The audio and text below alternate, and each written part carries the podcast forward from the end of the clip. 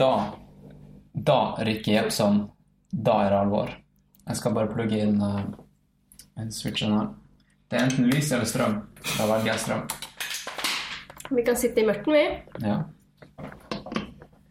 Det er ikke så viktig å se, bare vi får prate. Det vi kan gjøre, det vi kan gjøre er å fyre, fyre på lys.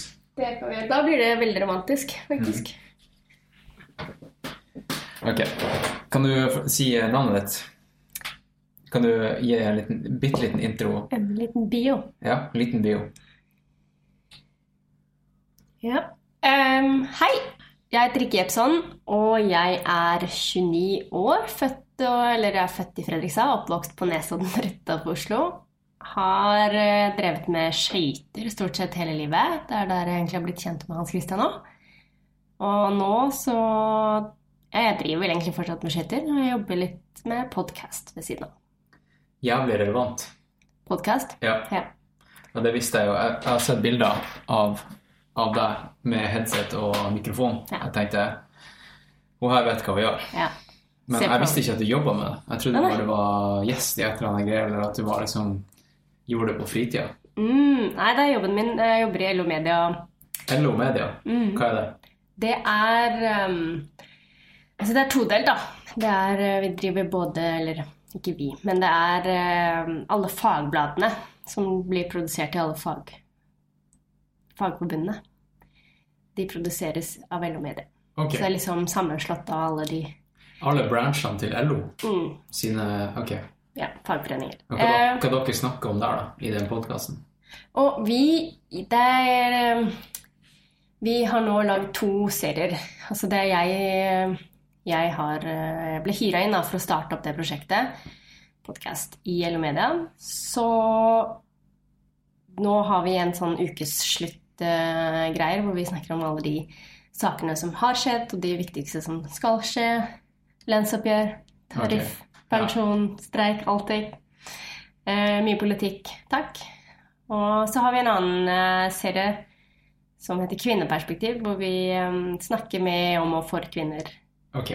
Ikke bare i fagbevegelsen, Det er, men dere har mye å gjøre for tida. Det er mye topics for tida. det er mye topics. Ja. Det er mye Vi har ikke toucha så mye innom metoo, da, hvis det er det du Det er det jeg sikter til, da. Ja. Mm. vi, eh, Dere har valgt å ikke nevne metoo. Jeg valgte ikke å ta det opp som, som et stort tema. Det er ikke eh, Egentlig ikke Jeg vet ikke hva jeg skal si. Det er et vanskelig tema, egentlig. Ja. Og så- Jeg fikk jo med meg at LO valgte å ikke servere alkohol på julebordet.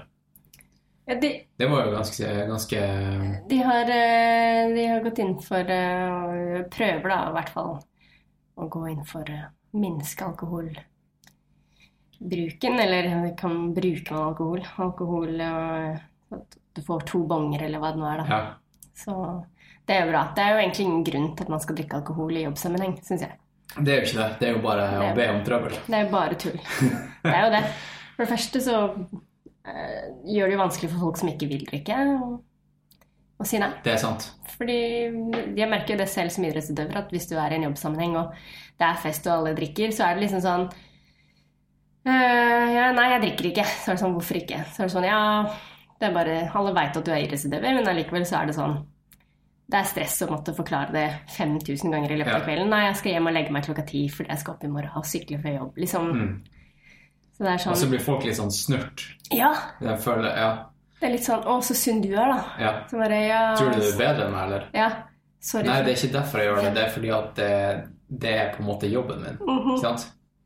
Og det er ikke engang en sånn her Det er ikke en følelse av at du gjør eh, en sacrifice. Det er bare sånn er det. Ja.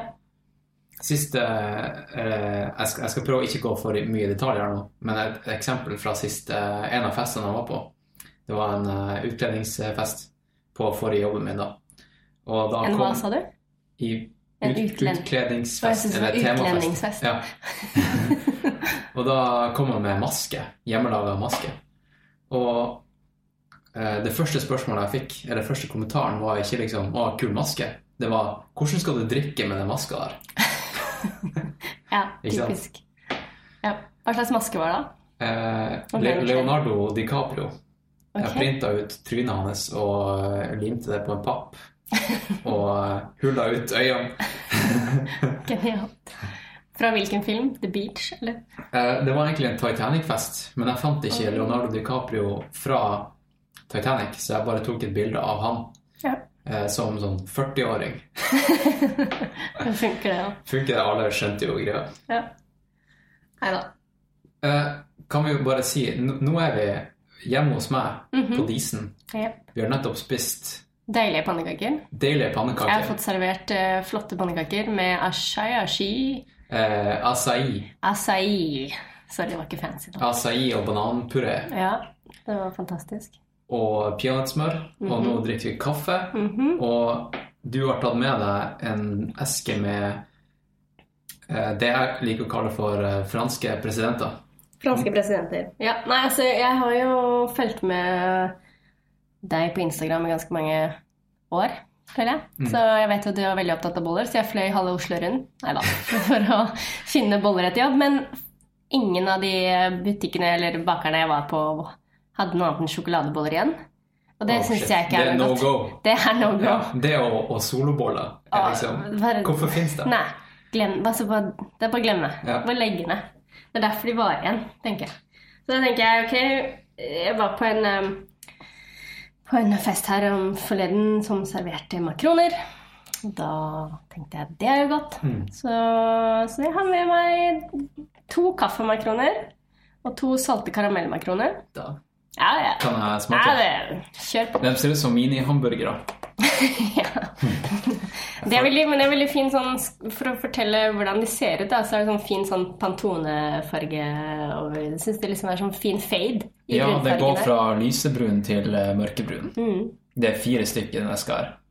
Du kan lage litt sånne Recorde litt sånne lyder. Ja. Kommer i flott plastikk. ja. Fantastisk. Veldig bære, bærekraftig. Veldig kontroversiell innpakning. Ja, det er noe som altså, Det er ikke noe som aktivt opptar meg i hverdagen, men eh, du får eh, smake først. Jeg tror de i midten er kaffe. Skal vi se. Ok, nå skal jeg teste den her eh, makronen. Ja. Jeg lurer på om kanskje kaffemakron til kaffe ikke er den beste komboen. Hva skal man ellers ha, da? Kaffe til te? Nei, altså at en makron med vaniljesmak kanskje er det beste til eh, kaffe. Ja, det er den i midten. Men jeg prøver, jeg prøver bare den. Den. Jeg prøver Okay, det er salt karamell. Salt karamell. Det blir sikkert kjempegodt. Min eh,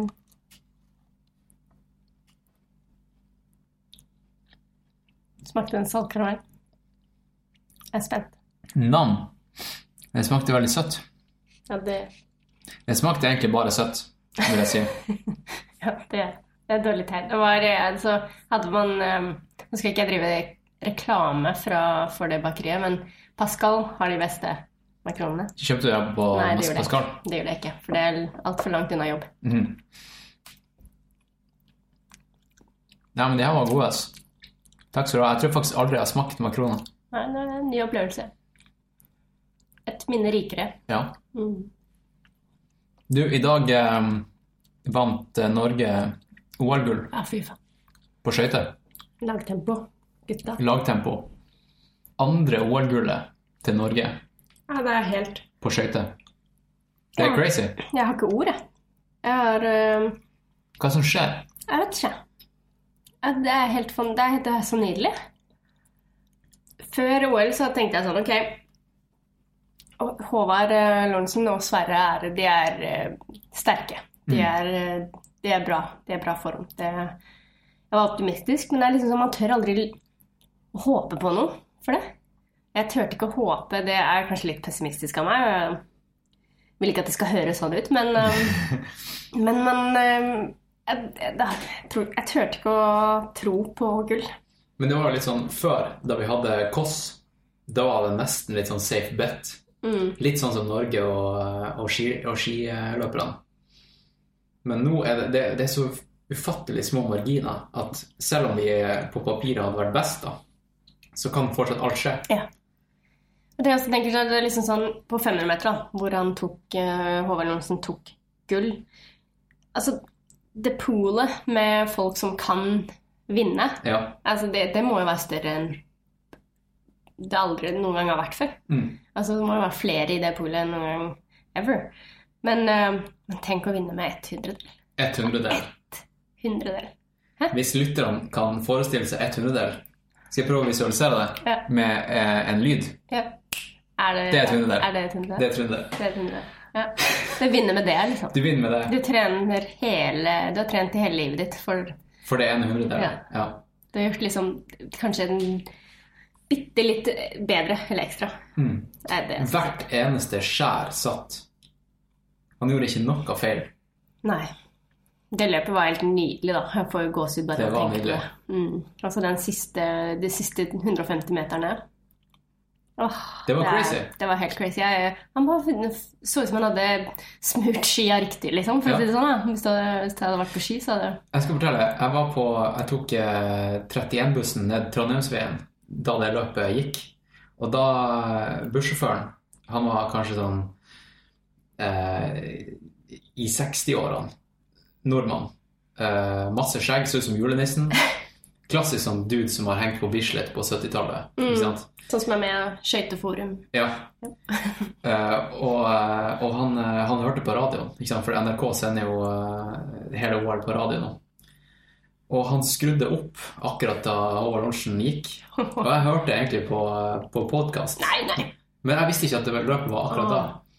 Eh, Men jeg hørte gjennom headsetet at her var det noe viktig som skjedde. Så jeg tok, eh, tok av meg headsetet, og så hørte jeg Håvard Lorentzen sitt eh, race. Og han vant faen meg. Mm. Og så etter, etter at han vant, så, så var det akkurat Da stoppa vi ned med Nybrua, eller ja, Hausmanns gate, med bussen. Og da, da, da tok bussjåføren mikrofonen, og så sa han Folkens, vi har tatt OL-gull på skøyter på 500 meter. Vi har ikke gjort det på 70 år. Og alle på bussen jubla. Ikke alle, da, men sånn folk klappa. For en Og jeg gikk fram til bussjåføren og, og, og high fiva han. Det var akkurat samme følelsen som, eh, som eh, da Norge slo Brasil i 98. Da var jeg hjemme i Tromsø, og, da, og alle naboene kom ut på verandaen. Og liksom bare Hva faen? Det var sånn fellesskap. Ja. Men det er jo det de sier, da. at Det, OL og det å vinne så mye som Norge gjør, det, det, det gir sånn folkelig inspirasjon og glede. Ja, det, det tror jeg på. Jeg føler, vi satt jo så på lagtempo på kontoret fellesskap i dag òg. Ja, vi satt og heia, og alle bare var dødsgira. og jo, Man får jo energi av det. Det er dritfett. Ja. Idrett er det feteste som fins. Ja. Og alle spør liksom Eller veldig mange syns at idrett er egoistisk, og, og det er liksom superteit. Det gir ikke mening. I hvert fall når du sier at du er idrettsutøver. Mhm. Men dæven for en effekt det har på Men er det liksom mindre egoistisk å sitte på sofaen hjemme å se på idrett. og se på idrett? ja, eller jeg skjønner ikke helt Nei, jeg vet eh, ikke. Men eh, kontra det å ha en jobb og bidra i samfunnet. Mm. Ja, sånn sett å være fulltid idrettsutøver, idrettsutøver uten, uten å jobbe. Men jeg har alltid tenkt på det sånn at man, man gir jo mye til, eh, til eh, lokalsamfunnet og samfunnet rundt, fordi man på en måte Det blir kanskje litt innbilsk å si det, men man blir jo en, en inspirasjonskilde. Ser jeg Det sånn. Altså man, man, eh, man gjør noe som mange kanskje bare drømmer om å gjøre Mm. og som folk ser opp til. Man blir en liksom, lokal helt eller en helt for det, innenfor det miljøet. Da. Han er ikke nødvendigvis geografisk, men om det er liksom på, i vennegjengen eller familien eller Og det bidrar til liksom Det skaper jo fellesskap, det. Det gjør det. Det er jo en verdi. Ja. Altså, man må ikke bare tenke at verdi i samfunnet er noe økonomisk. Nei. Altså, man må ikke alltid liksom Du- Alt sette kroner måles bak. økonomisk, nei. Nei. Så det, det å skape verdier rundt seg og være med um, på dugnad eller liksom Det blir jo det innimellom. Sånn idretter uten masse sponsorer blir jo ofte Ja. Det har jeg alltid eh, syntes hadde vært jævlig kult med deg.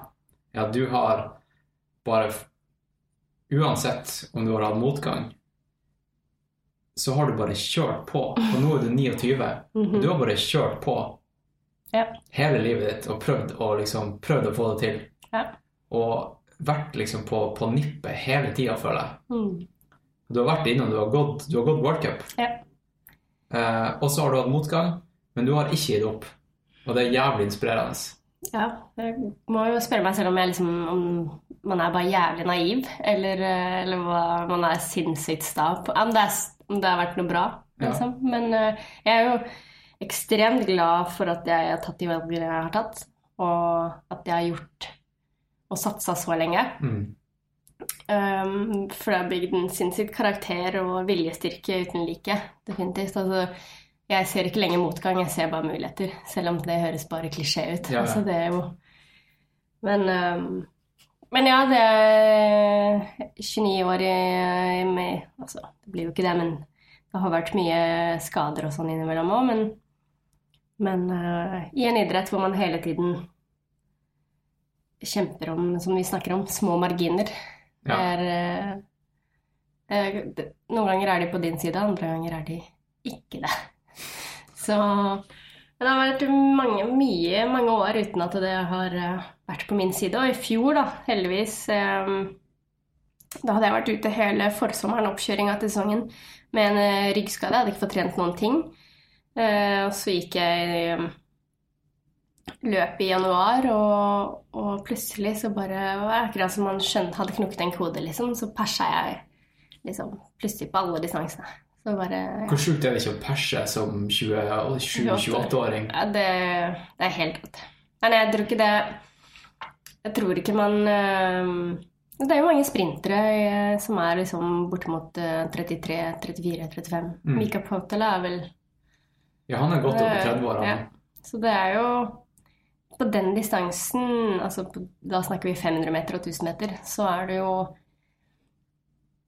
Tror jeg liksom kroppen trenger å skjønne Eller trenger såpass lang tid da, på å skjønne hva det går i. Noen ja. får det til i en ung alder, men da altså, Lorentzen er jo 25 år. Vel. Ja, noe sånt. Ja. Men han har jo jobba målretta mange, mange år liksom, ja. med det detaljene der. Så jeg tror ikke det at eh, Selv om jeg er 29, så er jeg i samfunnets øyne snart voksen. Ja. Du burde få barn. Du burde ja, hatt barn for fem år siden. Jeg vet jeg burde ha fire-fem eh, unger nå allerede. Ja. Må skjerpe meg. Hvor er Volvoen? Eller du har vel Volvo? Vi har Volvo. Ja. Nei, mor og far har Volvo. no joke. ja. Nei, mm. hva er, for du er skada nå, da? I, ja, yes. igjen? Ja. Nok en uh, obstacle? Det har vært en skikkelig drittsesong, faktisk. Jeg var så Jeg tror jeg var i mitt livs beste form jeg, etter da, som jeg sa, at jeg persa. Og så fortsatte jeg bare å trene. Jeg trente hardt, jeg trente veldig strukturert.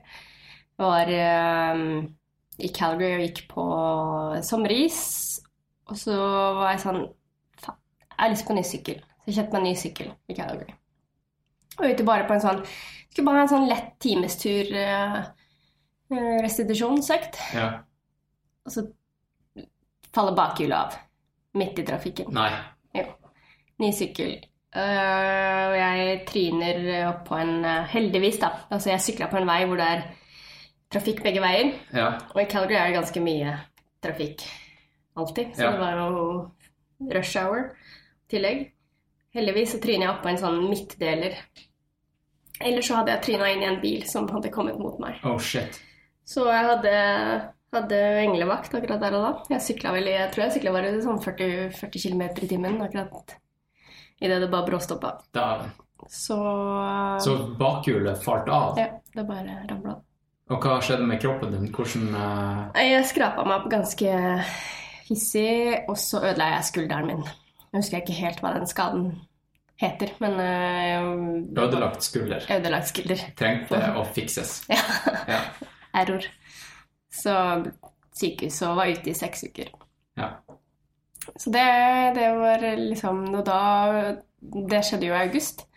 Og da, som skøyteløpere vet, så er sesongen eh, Den begynner liksom oktober. Den begynner jo i juli nå. ja, ikke sant. ja. Så da, var det, da, hadde, da, begynte jeg å bli ganske stressa. Ja. Eh, og fikk liksom tatt alle de nødgrepene jeg kunne ta. gjort det lavarbeidet jeg måtte. Tatt en kjapp tur til Insel for å få gått litt på is før eh, første løp. Mm. Gikk løp der, og så, så var det klart for NM enkelt i Stavanger.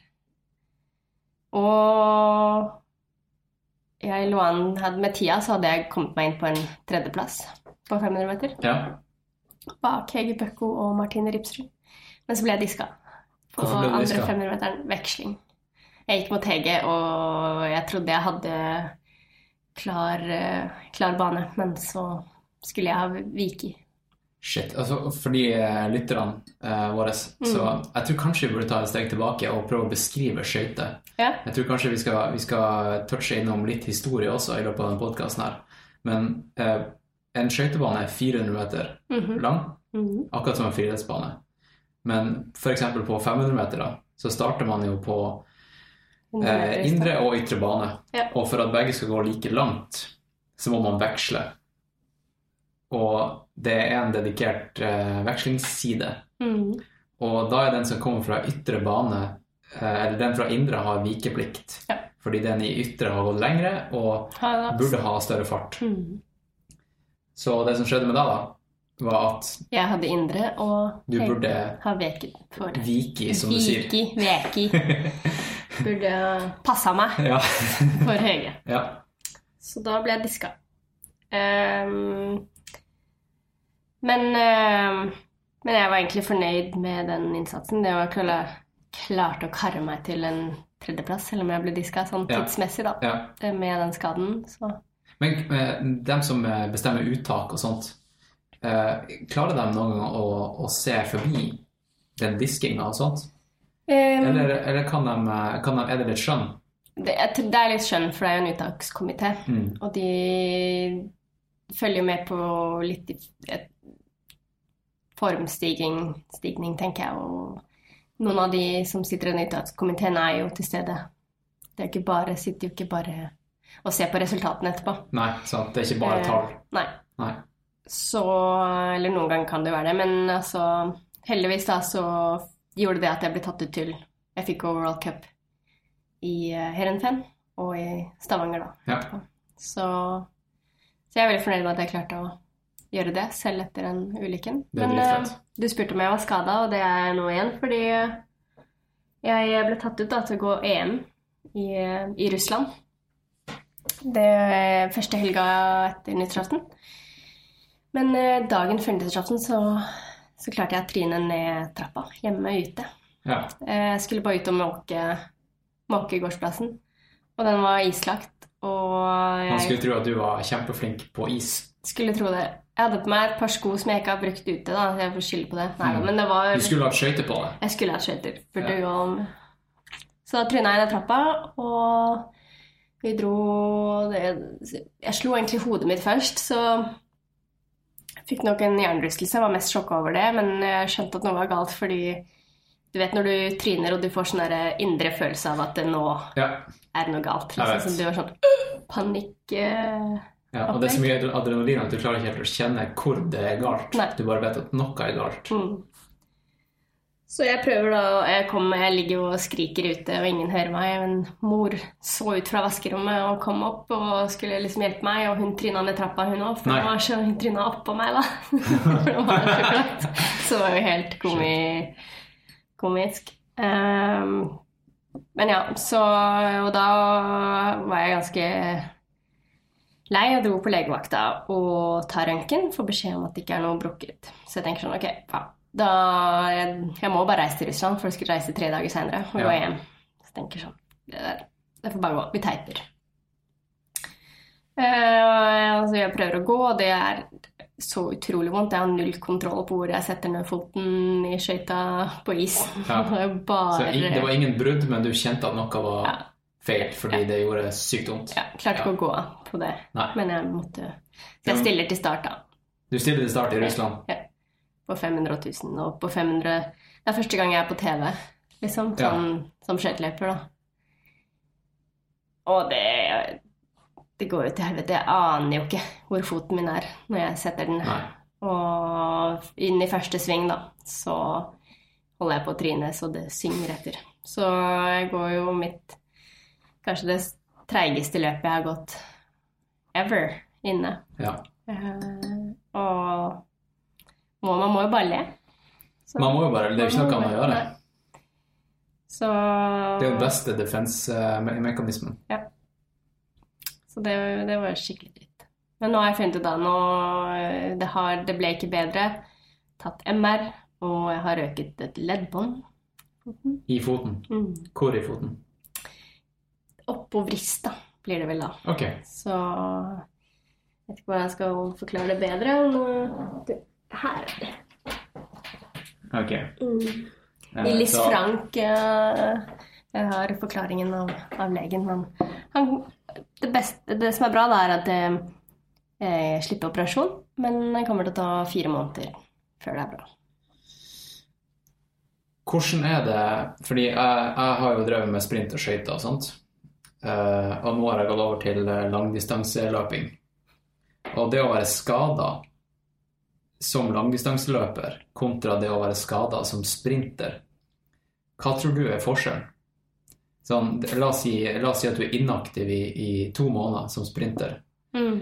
Hvilken effekt har det på kroppen din når du kommer tilbake? Hvor fort kan du bounce tilbake?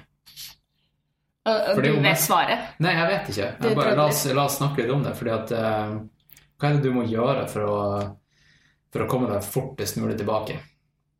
For du, du, du, du må jo Altså, det jeg tenker um, som, jeg, som, som jeg kjenner glipper allerede, da, det er jo de småmusklene som du bruker til å støtte opp i foten, og de stabiliseringsmusklene som, som, eh, som man trenger for å kunne stå på eh, millimeter med stål. Ja. Det kjenner jeg at det liksom um, For jeg har jo ikke den eh, egenskapen i venstrefoten.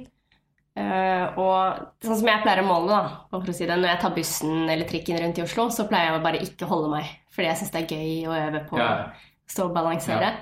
Men nå klarer jeg ikke det. Shit. Ja. For jeg har ikke Jeg klarer ikke liksom å balansere. Uh, og det er jo både pga. skaden og fordi at det liksom, kroppen bare funker ikke akkurat der. Så det, det tror jeg det blir liksom Det må bli det første jeg skal fokusere på. Ja. Men sånn rent Hvis jeg bare hadde sittet på sofaen og ikke vært skada, hvis jeg hadde valgt å liksom «Æ, Nå gidder jeg ikke å trene på to måneder, Ja. og så bestemt meg gjennom to, ja, to måneder om jeg skulle begynt igjen så, Du måtte jo følt deg skikkelig dvass, da. ja. Men du, du er jo sprinter, så det Ja. jo, den der eksplosive styrken er jo Den er jo borte. Den blir borte. Ja. Dere kjenner jo det hvis du skal ta et den, Du må være så jævlig på, da. Alltid. Mm. Og alltid feede den eksplosiviteten med hopping og drops og Altså ikke sukkerdrops, men eh, å droppe i hopp og Ja, hva, er din key, hva er din key workout for å vedlikeholde eller bli kraftigere eller mer eksplosiv? Jeg elsker jo alt mulig av spenst. Mm. Ettbens eh, hopp over hekk sideveis, lateralt. Det er nydelig. Og boxjumps og og quarter squats. Altså Da tar du kvart eh, knebøy, for å si det sånn. Tunge, tunge kvart knebøy. Ok. Har du stanga på ryggen eller på, eh, På ryggen. brystet? Ryggen. Ja. Da, da føler jeg at jeg, når jeg får gjort det, og litt sånn eh, litt grann eh, skøytesprint, Mm. da, er- da er livet bra. Da er livet bra. Mm. Ja. Men tror du det er verre å være sprinter eller allround, eller lang, distanse for recovery, hvis du skal komme deg tilbake? Ehm, I ultralapping, da. Mm. Jeg tror, eh, For der er jo selvfølgelig liksom den der cardio-delen superviktig. Men det å Muskelsvinn er jo også selvfølgelig en stor issue nå med inaktivitet. Jeg tror, eh, jeg tror fitness jeg tror, du, jeg tror det er bevist at fitness mister du ikke eh, før, om, før tre uker. Mm. Så det, det, det er sett på det der med liksom såkalt tapering før et race, det å, å hvile seg i form. Du har ingenting å tape på hvis du starter eh, så lenge som tre uker før racet og liksom nedtrappe. Mm. Men inaktivitet, f.eks. Eh, Hvis du, la oss si du tar pullups, da. Og du kan ta ti pullups. Og du, tar ikke, du trener ikke pullups på ei uke. Det er ganske eh, signifikant. Eh, altså, plutselig så kan du ikke ta fem engang. Mm. Så det er muskelsvinn, det, det er reelt. Ja, Og det, det er jo det er like relevant i langdistanseløping som i skøyter, tror jeg. Men det er trist. Jeg blir jo, jeg ser meg jo i speilet, og liksom buksene begynner å passe rundt låra. Det er jo Er det kjipt? Det, det er så kjipt, det. det Plutselig kan du ikke gå i butikken og kjøpe vanlige bukser. Plutselig kan jeg gå på Big Book, liksom. Ja. Kjøpe bukser. Nei, det er trist. Så eh, heldigvis da, så kan jeg gjøre en del Jeg får gjort litt vekter, så det blir ikke Men det blir jo ikke så mye i skøytestilling. Nei, det blir ikke så du- Det er jo der du får eh, st mest størrelse Ja. på, på låra. ja. Du husker jo det du òg. Du er jo Jeg husker det. syre syrehelvete Ja. på skøyter. På skøyter så er det jo ofte eh, litt sånn eh, Litt føler jeg Kanskje jeg toucher borti noe nå, men litt jag på å være så sterk som mulig og ha så store lår som mulig. Fordi man tenker at, at eh, det tallet man tar i knebøy, at det, det, det er et forholdstall der med hvor bra du er som sprinter. Og jo sterkere du er, jo kjappere burde du gå.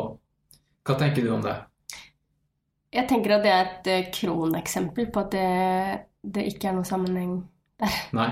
For jeg er veldig sterk, Ja. eh, og jeg er veldig eksplosiv.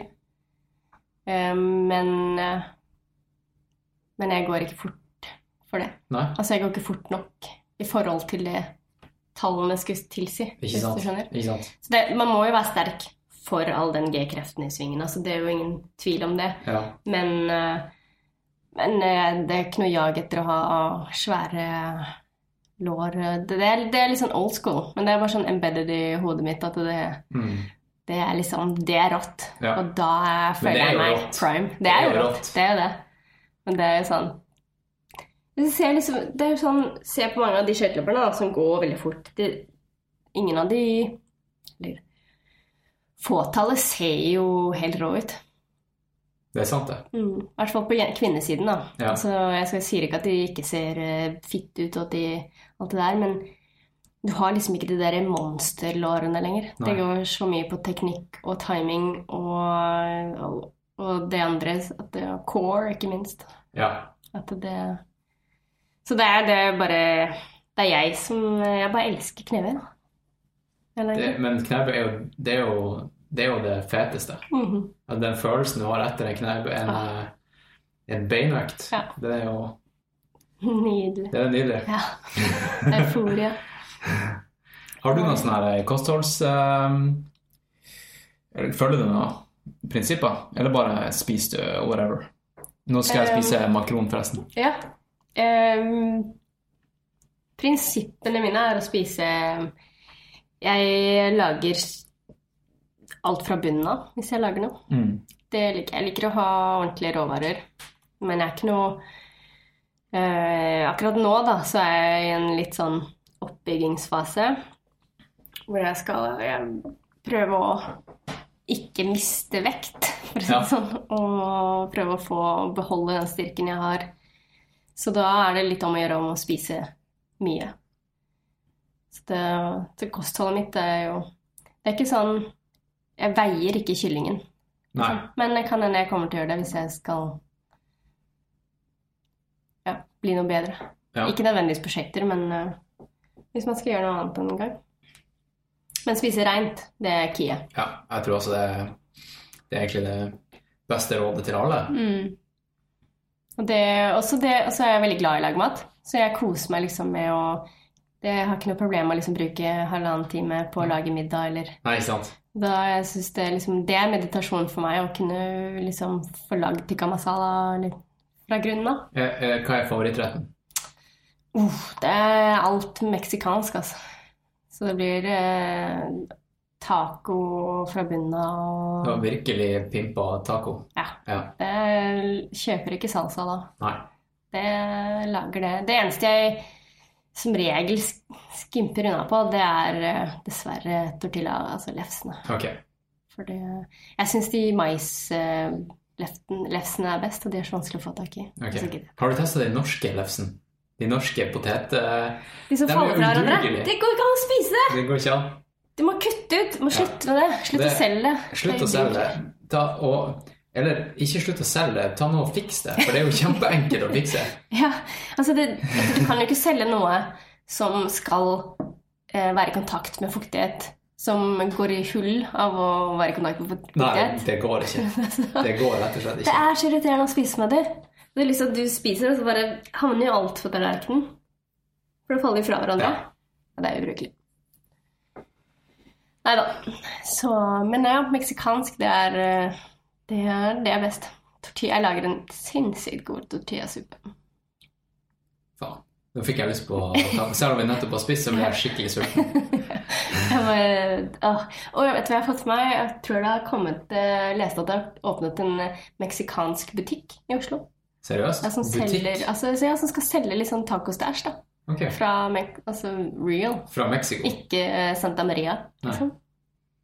Eller Old El Paso, eller hva det Ja, er. Det, det, tror jeg det er marked for. Det, det er Altså, vi er jo tacolandet. Taco er jo nasjonalretten Ja. vår. Tacofredag. Det er jo ingen De ler av oss eh, i Canada når vi sier ja. Selvfølgelig skal vi ha taco. Det er fredag. Altså Det er liksom Nå har jeg bodd eh, i Calgary i to år. Og da bodde jeg sammen med Eller var mye sammen med to andre nordmenn, da. Så vi hadde liksom tradisjon på det å det er fredagstaco eh, i en eller annen- form, og så på Nytt på Nytt. det er liksom Det er gull. Nice, da. Mm Det er jo Calgary. -hmm. uh, det er ikke sikkert alle vet hvor Calgary er. Nei. Kan du uh, put- Plassere det på et kart? putte det på kartet? Ja. Calgary ligger i uh, fylket Ja. Alberta i Canada. Så det ligger um, Altså Hva skal jeg, hvordan skal man hvordan skal jeg forklare denne Vest, videre? vest i Canada. Ja, ja. Altså, hvis du skal kjøre fra Vancouver, da, som ligger helt på vestkysten, så er det ti timer ca. Ja. timer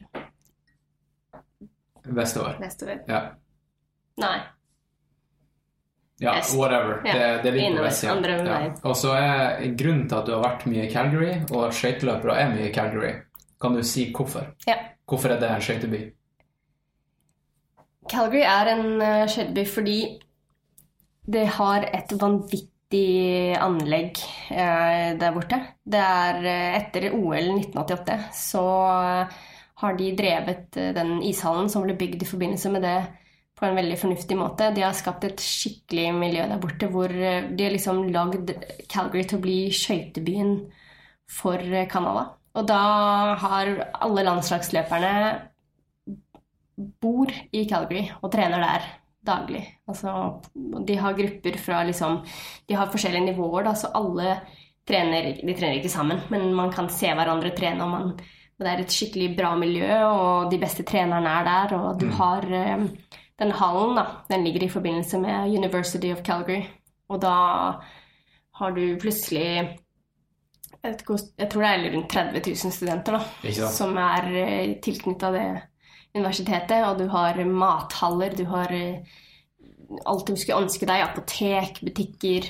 Altså det, det, Treningssenter. Treningssenter, vektrom, du har løpebane rundt, du har eh, eh, garderober, altså liksom squashhaller, du har eh, alt du måtte ønske deg, egentlig, på, i forbindelse med den hallen. Så det er helt, eh, helt magisk å være der, egentlig. Mm. Og det er veldig, i tillegg til det, og så er det jo canadiere kjent for å være veldig, veldig hyggelige og velkomne. Rett og slett et fint sted å være. Er rett og slett et fantastisk sted. Men det er jo også på 1100 meters høyde.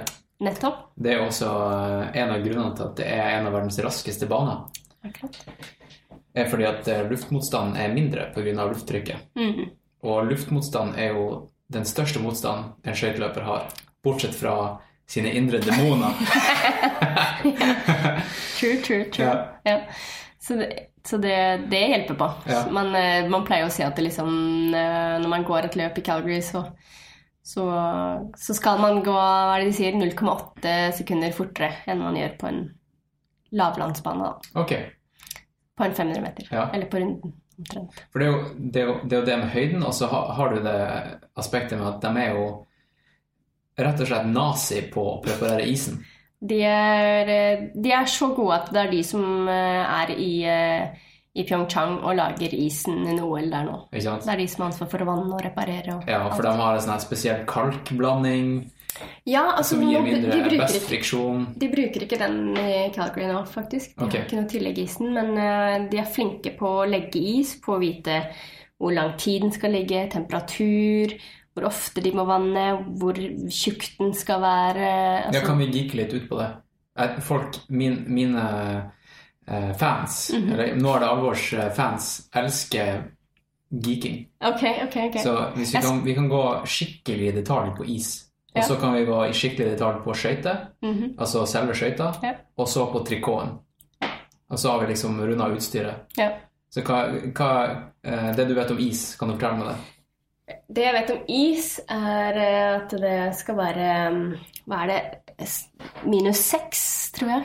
I Isen skal være ja. Minus seks i overflaten. Eh, og da er det jo selvfølgelig, i tillegg til da, når vi snakker om Calgary for eksempel, så, så er det også et forhold, um, som du sier, høydeforhold. Men det er forhold mellom temperaturen i isen og temperaturen i liksom lufta. Ja, i hallen. I, og i hallen Ja. generelt. Fordi jo varmere det er, jo mindre motstand er det i lufta. Ja. Og det er også luftfuktighet, ja. ikke sant? I tillegg. Um, så eh, det er det jeg vet om isen. Jeg vet at det, altså en, treneren min der borte det første året, han er den som på en måte Han er ikke sjef i hallen, men han eh, Han som alltid arrangerer løpene, han har styrer med alt der borte. Uh, og han setter alltid opp etter vanning. Så er det par fire, da, som er det raskeste paret. ja, for da har liksom den eh, isen satt seg. Ja.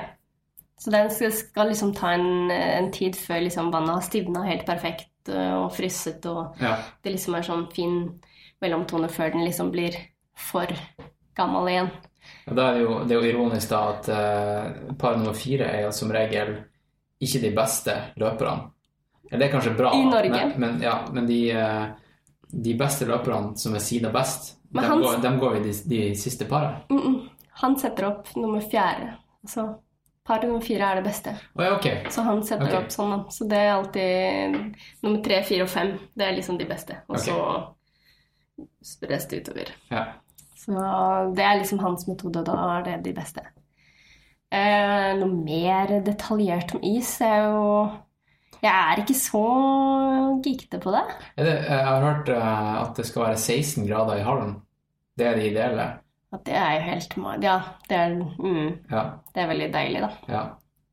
Og det er jo veldig sjelden at vi oppnår det i Norge. I en skøytehall i Norge. Ja, det har kanskje vært eh, under VM eller noe i Vikingskipet. Ja, og det er jo ikke fordi at de har skrudd opp temperaturen, men det er fordi at det var så mye mennesker der. Ja, at det det ble varmt. Så det var bare tilfeldig at det var varmt. Mhm. Men i gjennomsnitt da, i Calgary så er det vel rundt sånn På en vanlig dag er det vel 13 grader. Ja, det er sant. Så det, det også gjør jo at det er det beste stedet å trene, fordi at du får trent lenger, du blir ikke kald på låren, du blir Ja. ikke kald på føttene, du kan, du kan Knærne trene bedre. Det òg. Musklene Ja, tåler mer. Du slipper å bruke energi på å holde deg varm, du kan gjøre det du skal. Ja. Du slipper å bli syk. Altså, det er mange faktorer med den temperaturforholdet da, som er viktig. Og så er det sånn Det vi pleier å si da, når vi kommer bort til Calgary, jeg kaller den isen der for glassis. Ok. Det kan du forestille deg at det liksom, du, du tar en kniv, en veldig skarp kniv, og så tar du den på et glass. Sånn føles det egentlig, syns jeg, å gå på den isen der borte. For den er såpass Den er så hard, og den er så Jeg tror jeg skal finne fram en kniv og et glass. Så får jeg sånn eh, Ikke brødkniv. Nei, ikke, ikke brødkniv. Ok, nå har jeg en eh, vanlig smørk. Vindu, da. Ja, jeg kan ta kniv på vinduet, eller kniv på et, um, et drikkeglass. Mm. Mm. Sånn. Uten den rislelyden, da, for det mm. Sånn. Og så liksom den når du setter den ned. Ja. Sånn høres det ut. Rett og slett. Du har jo vært i Calgary, du òg. Jeg har det. Så du kjenner du igjen eh, karakteristikken? Absolutt. Absolutt. Men jeg har aldri vært i Salt Lake City. Ikke jeg. Nei. Men det er sånn cirka på samme høyde. Det er, eh, de er 1400, Ok. så det er litt høyere. Enda litt Men det er fortsatt ikke nok til at du merker det på kroppen? På høyden? Sant? Du merker det jo i Calgary, da. Ja, men ja, kanskje det. Det stemmer, det. Mm. Det stemmer, det. For det første, du må akklimatisere deg. Ja, Vi gjør jo det når vi Ja, reiser for- bort. For jeg kom jo nettopp fra Etiopia. Ja. Da, da bodde jeg på 2007. Og da, da, da trenger kroppen ca. ti dager eh, før man begynner å produsere mer hemoglobin. Mm. Men det er jo, det er jo litt, litt mer ekstremt enn 1100, da.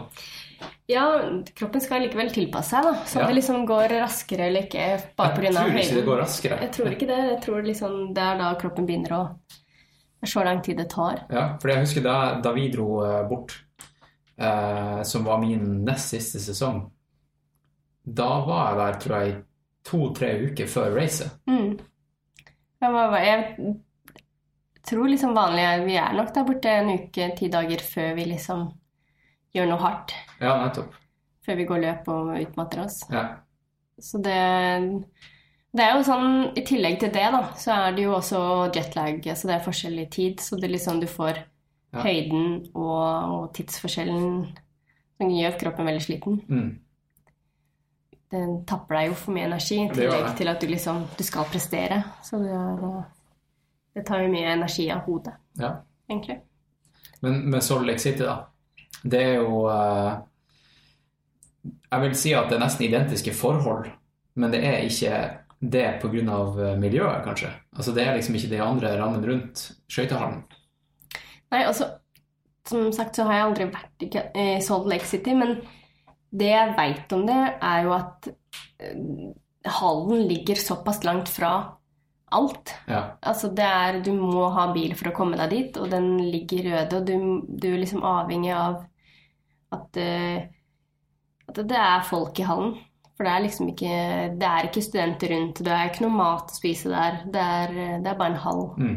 Altså, det er en fin hall sikkert, og sikkert fantastisk sånn sett, men, eh, men du har ikke det miljøet rundt, og du har heller ikke eh, det som en base for USA. Selv om landslaget trener der, så er det mange som trener i Milwaukee og, ja. og slikt. Så der har Canada virkelig gjort noe smart, og det har jeg egentlig håpa at vi skulle få til her i Norge også. At vi hadde fått bestemt oss for én base, uansett om det hadde vært eh, i Stavanger, når de har fått innendørshall der, eller, eller på Hamar. Helst ikke Bjugn, da, selv om det er hall i Bjugn. ja. Men eh, Vikingskipet hadde jo vært en god mulighet, eller noe som de liksom eh, ikke har klart å bygge en, en hall i Oslo ennå. Tenk, vi har ikke en skøytehall i hovedstaden. Ja, det er helt tragisk. Det er sjukt. Mhm. Men er de ikke på vei til å bygge noe? På uh, Valhoven eller noe sånt? Ja, Der fikk de nettopp ny, en ny bane, men det var utebane. Så jeg tipper at det ikke er i, med det første at de bygger tak over den.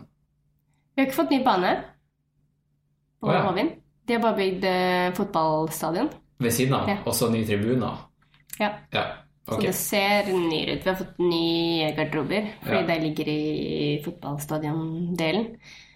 Uh, så, altså, det er jo helt også sånn uh, Bare for å ta det, da, for å vente, vente a bit. uh, når de nå bygde den fantastiske fotballstadion, hvorfor ikke de klarte å liksom samarbeide sånn at de kunne blitt brukt overskuddsvarmen fra skøytebanen til å varme opp det gresset der inne?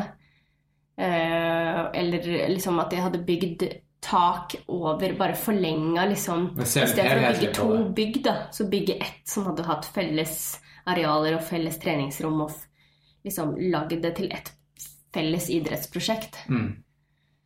Hele det der eh, opplegget der er jo korrupta, da. For de kjøpte jo tomta for én krone, eller hva det nå var. Den fotballtomta. Det visste jeg ikke. Men vet du hva, den historien der jeg tror jeg er ganske lik den i Tromsdalen i Tromsø.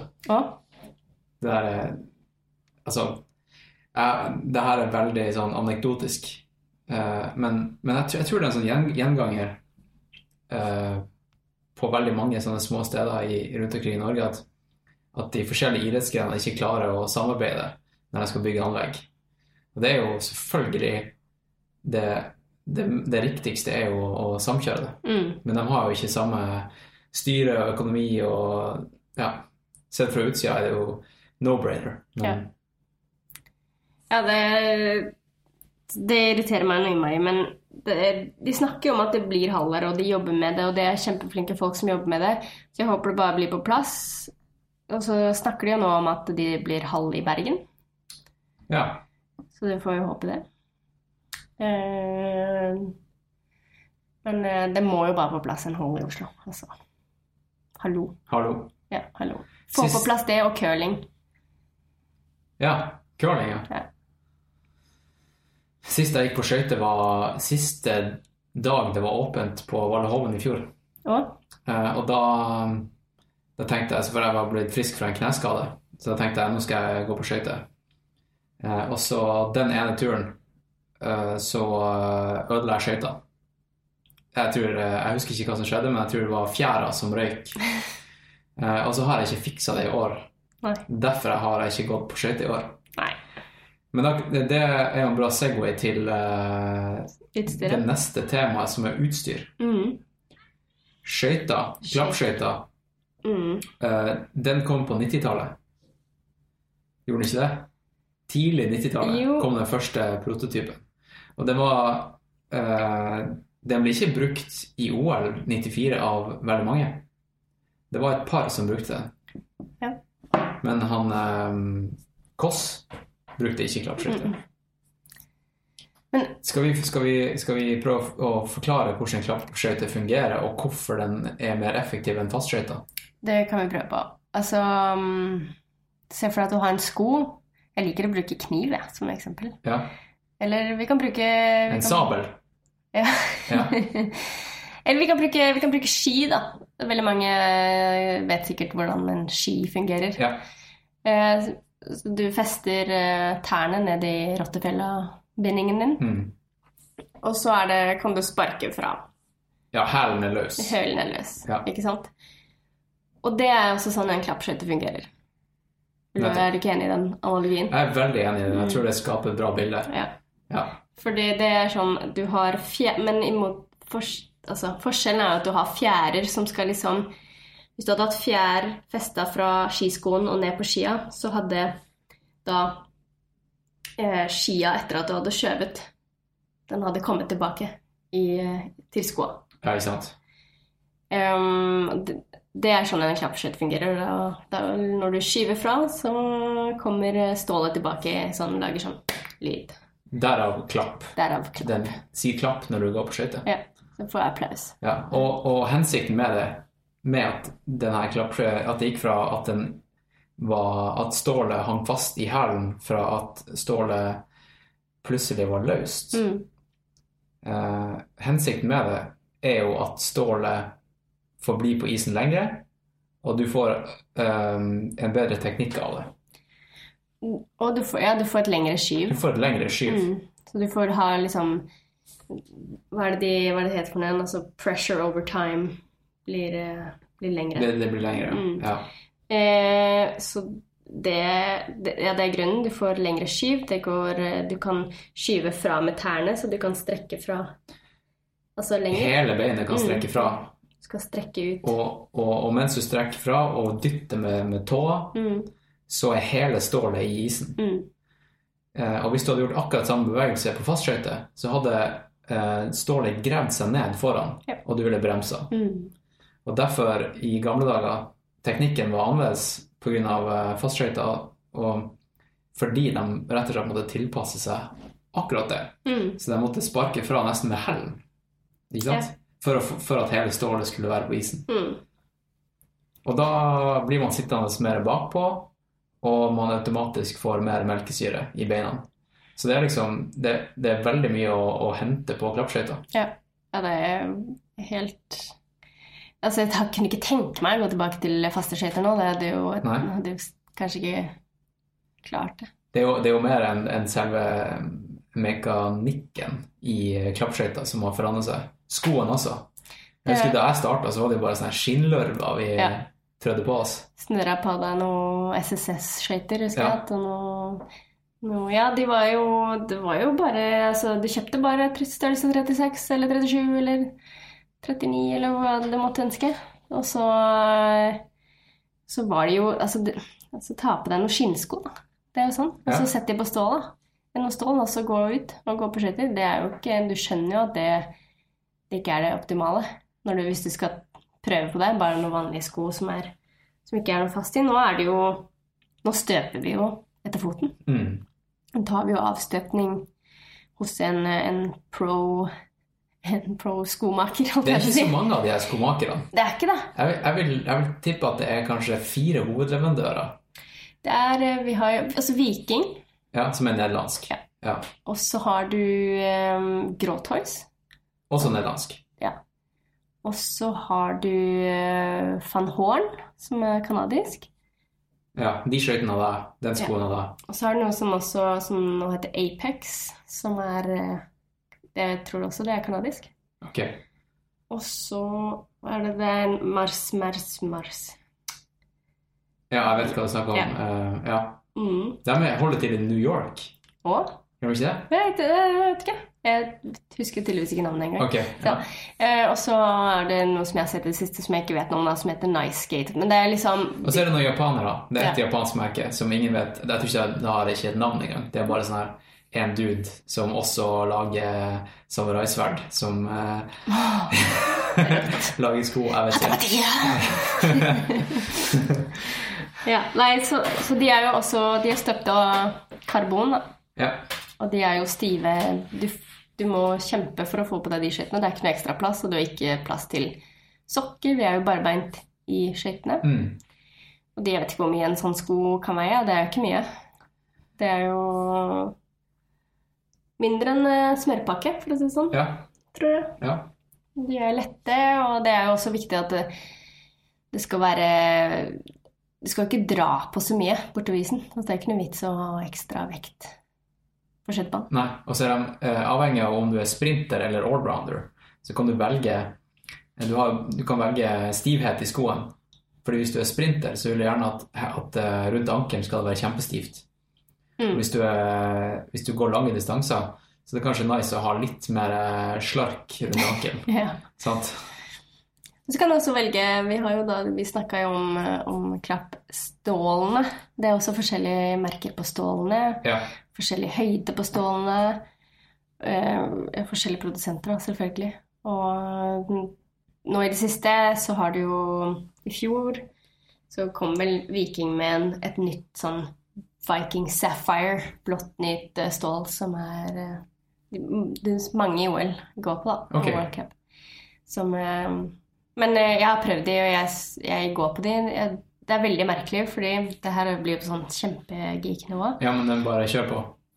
Altså eh, På skøyter så går det langsider og sving, ikke sant? Ja. Og da jeg tok på meg de stålene og prøvde de i sommer, så plutselig så fikk jeg mye mer trøkk i svingen. Jeg kjente at det liksom Nå satt det skikkelig Fikk mye mer svar da, fra de stålene i svingen. Ok. Av en eller annen grunn, for de skal være stivere i De er Det har noe med hvordan de produserer de stålene. De er eh, ikke sveisa sammen. Og det Er det håndlagd? Jeg tror det. Ja. Og, eller, om det, eller om det er hånd, ikke håndlagd og lagd mer at de er likere. For jeg tror maple er håndlagd, og de er, kan variere så mye fra par til par, Det er sant, det. Tror jeg. Man finner ofte sitt uh, favoritt-maple-par. Ja. Så at de her er mer standardiserte, da, det er forskjellen. Um, og, men de funker ikke på meg på langsida på samme måte. Er ikke Nei. det funny? Som maple. Det er rart. Og det er bare stål. Ja. Men det går ikke. Altså, så jeg skulle nå, etter EM, da, så hadde jeg bestemt meg for at jeg skulle bytte tilbake til maple-stålene mine. Men nå får jeg ikke prøve det, da, siden jeg skada i foten. Men vi får se på sommerisen. Ja. Så det, det var det. Det var det. Og så er det jo drakta. Nei, du, vi er ikke ferdig med stålet. Er vi ikke ferdig med stålet? Fordi fordi uh, stålet skal ha en bue. Ja, Ikke sant? Ja, ja, ja, ja. Og uh, denne buen, også kjent som radius, Mm. uh, det blir kalt radius fordi hvis du setter mange, mange skøyteståler etter hverandre, eh, så skal det danne en sirkel. Mm. Og den graden her, den eh, varierer jo om du er skøytesprinter eller eh, allrounder. Og det er en eller annen sånn her magisk tall eller en formula som baserer seg på 500-meter-persen din. Dette her vet ikke jeg, så det, Du vet ikke det? nå er jeg okay, veldig spent. Ja. Fordi eh, jeg husker ikke formelen da, men du bruker persen din på altså din personlige rekord i sekund på 500 meter. Og så ganger og deler på pi andre delt på eh, kvadratroten av eh, et eller annet, og så kommer du opp med et eh, tall som er en radius. Men det, den formelen her var bare tull, men det, det er et eller annet. Og det tallet her, det, det bruker man å plotte inn på en radiusslipemaskin. Og det er ikke mange som har den maskinen her. Det er bare Det er en tung maskin. telle, jeg kan telle på to fingre hvor mange som har en sånn maskin. Mm. Og eh, det er en som jeg har lyst til å lage en podkastepisode med, Mm. som heter Frode Eidsmo. Ja. Som eh, Sist jeg snakka med han for sånn fem år siden, så holdt han fortsatt på å slipe, slipe bua. Ja. Og han er eh, Hvis han fortsatt sliper bue, så har jeg veldig lyst til å besøke han. Mm. For han eh, Det er litt sånn derre eh, Word on the street er at han har en kjempebra bueslipemaskin i kjelleren oppe på Sognsvann. Og clouet med en, en, en bra buesliper er at det kan ikke ha noe bevegelse når du sliper buen. Så det at noen reiser rundt en, med en trailer og har bueslipemaskin i traileren sin, og folk går inn og ut av traileren mens eh, buen blir slipt, da ber du om disaster. Mm. Så det å dra til han her i den stabile kjelleren i bomberommet oppe på Sognsvann med bueslipemaskin, så, så får du den beste buen.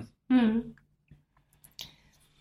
Ja, det er jo Hva skal jeg si Det er ofte sånn derre Man eh, må finne ut av hvilken bue som passer for seg. Mm. Det- Og hvor Ja. Og Hvor punktet er, og hvor det skal treffe på skøyta og på skivet ditt og sånne ting. Hvor flat bue du skal ha. Jeg, nå er det vel liksom det som har vært populært de siste to-tre årene, har vært en 23-bue. Ok. Hvis det sier deg noe. Ja, det er jo, det er jo et tall. Mm. Millimeter eller noe sånt. Jeg vet ikke helt hvordan de måler det, Nei. faktisk. Så, men noen sliper det jo for hånd. Noen sliper jo bue for hånd. Ja.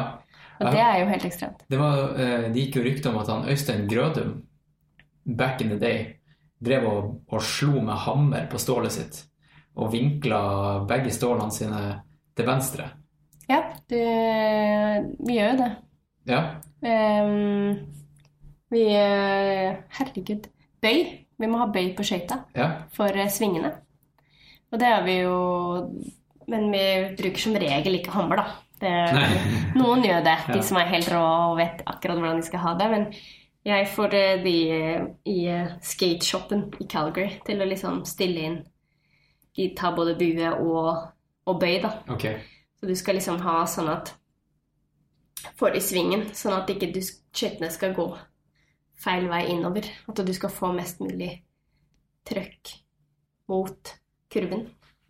Ok. Mhm. Ja, det gir jo Det er, en meg. helt, Ja. det er en helt ny verden å gå på det. Du må ha det hvis du skal gå fort, Mm. vil jeg si. I hvert fall på de banene Calgary og Salt Lake som jeg snakket om. Mm.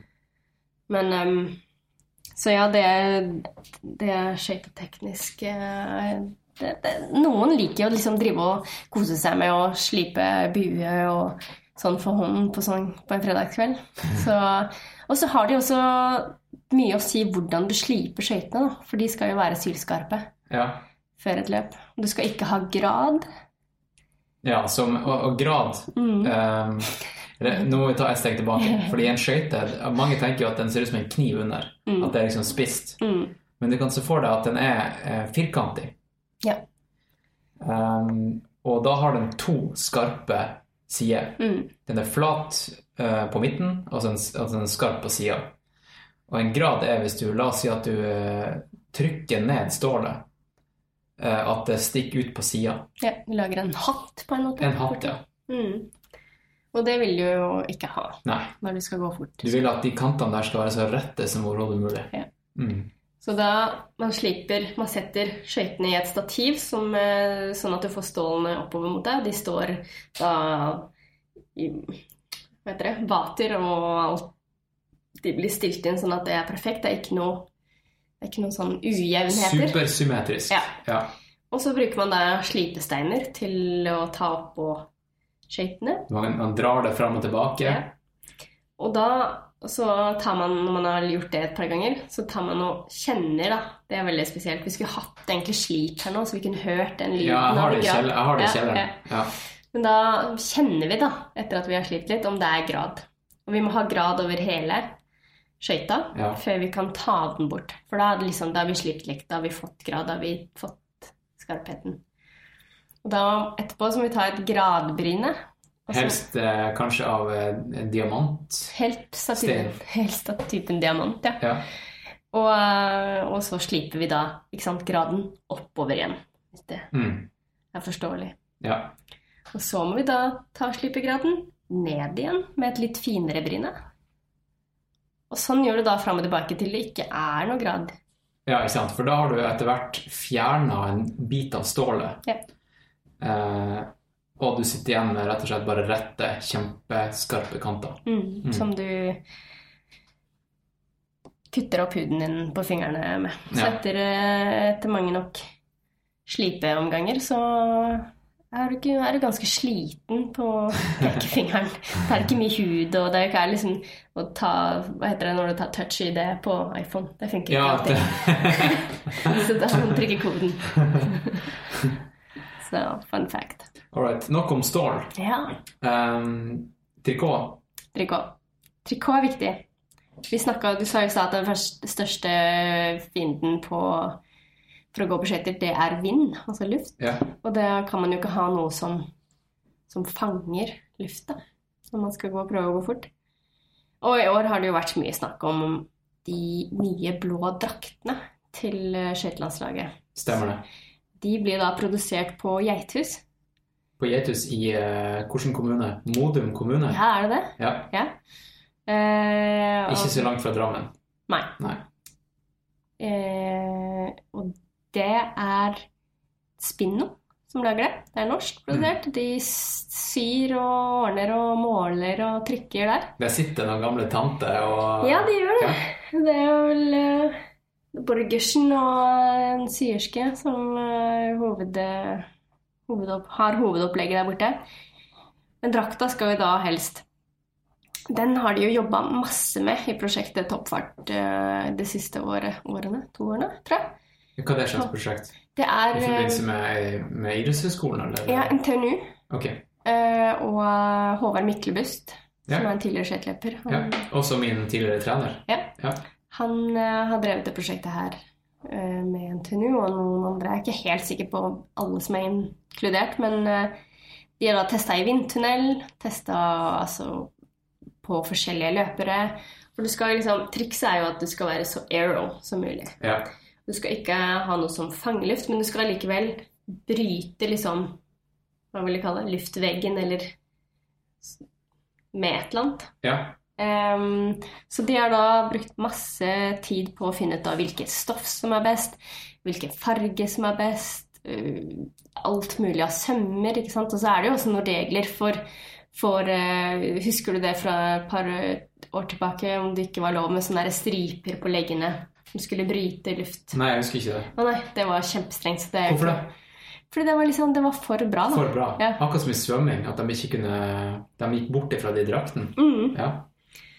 Eh, Så det er jo noen, noen sånne regler. Så nå har de kommet til det punktet at det er bra nok. Ja. Det er liksom, De har funnet Ja.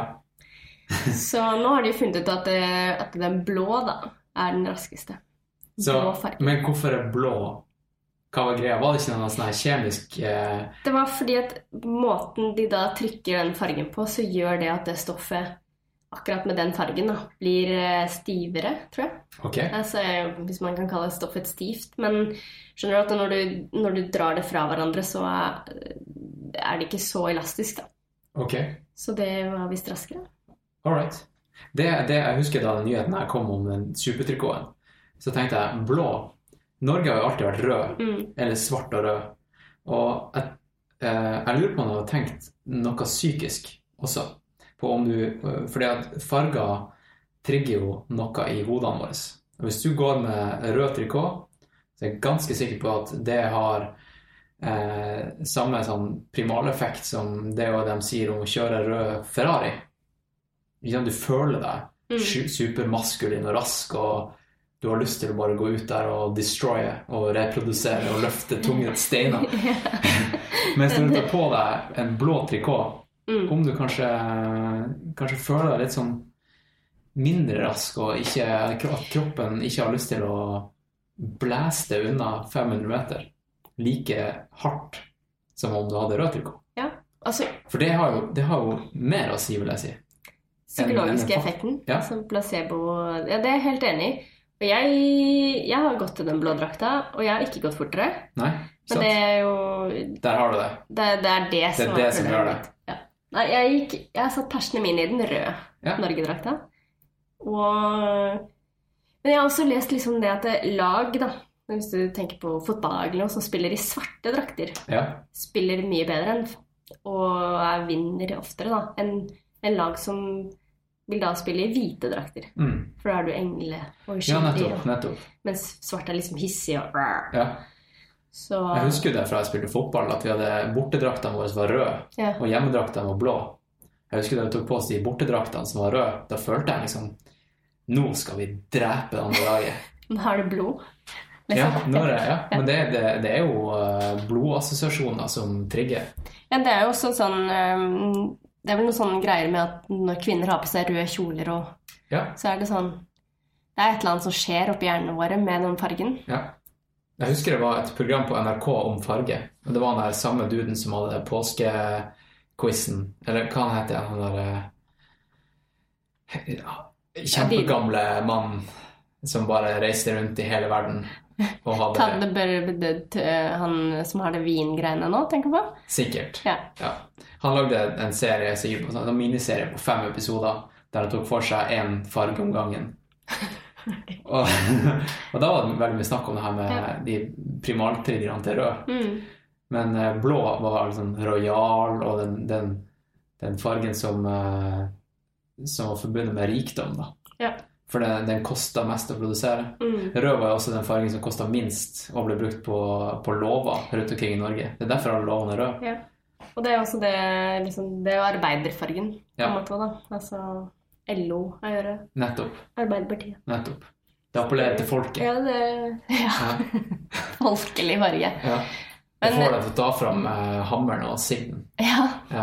og gjør, putte inn eh, timene. Mens Høyre er jo blå. Ja. Så det er jo, de adelige. Adelige. Mm. Ja. Men eh, det er jo interessant, da, fordi de har jo Se Du ser på det mange land nå som har blå drakter. Og jeg vet I fotball, eller? Nei? I skøyter. Okay. Og Det er jo ikke sånn at det er unaturlig for dem å ha blå drakter, men Italia har jo blå drakter. Ja. Korea har blå drakter. Husker du da Norge hadde svart og gul? Altså Oslo Energi-draktene. Ja. ja. Hva det var sånn EM 90, eh, Ja, det er lenge siden. 98? Å, herregud. Ja. Har senskader etter det nå, fordi vi hadde sånn når vi reiste rundt på landskamp og sånn, så fikk vi alltid gå i de, måtte vi alltid gå i de draktene. ja vi, Sånn. eh, oppe i Nord-Norge Mm. så fikk vi tilsendt eh, de her draktene da vi skulle gå um, Barentskampen. Ja. som er sånn, eller Kalottkampen, da, som var en kamp mellom de nordlige delene av, de, av Norge, Sverige, Finland og Russland. Og da gikk vi i de her, de her gule og svarte draktene. Nice. Det er ikke veldig typisk norsk. Det er veldig lite typisk norsk. Og, og det var vel egentlig fargene til eh, hovedsponsoren, Mm. som var Hva du sa Eh, Oslo Energi, tror jeg det var. Ja. Mener det. Husker det. God stemning. Det var Nagano-drakten. OL i Nagano, 98. Husker jeg så på Ja. den på sånn liten reise-TV på skolen. Ja. ja. Det er det eneste jeg husker, egentlig. Hva er det tidligste minnet du har av skøyter? Det må være da jeg um, Jeg tror jeg hadde fått det liksom det første gang jeg skulle prøve skøyter. Hadde var med ut på sånn tjern ute på Nesodden. Mm. Jeg kunne jo nesten så vidt gå, tror jeg. Og hadde fått på meg noen skøyter og skulle være med familien ut på skøytedag. For du kommer jo fra en ganske sånn solid skøytefamilie. Ja. Søstera di er jo um, en ringrev. ja.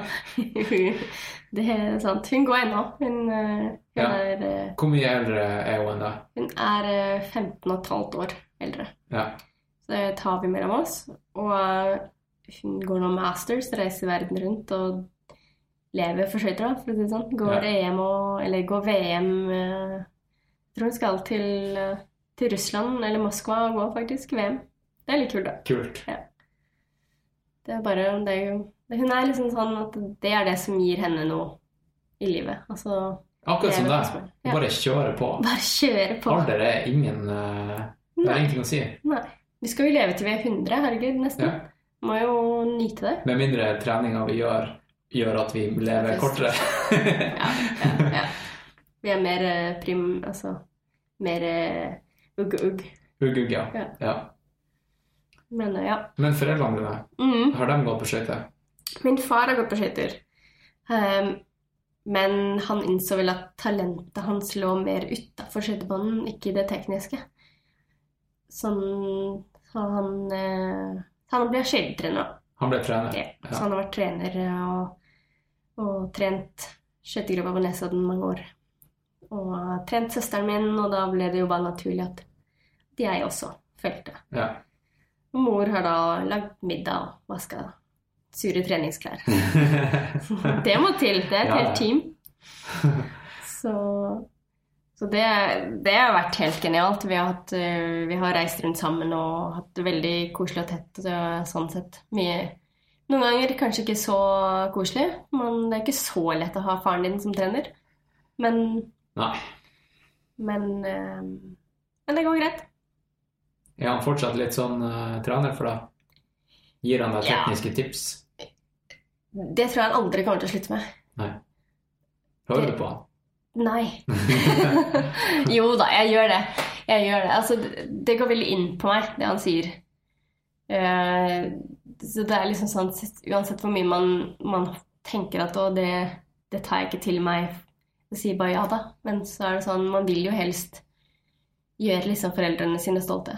Mm. Jeg tror det bare er noe er eh, Det er et problem med mennesker. At vi liker å, liker å få liksom den feedbacken og kjærligheten fra foreldrene våre. Fra de nærmeste? Ja. Det er egentlig det som er viktigst, tror jeg. Ja.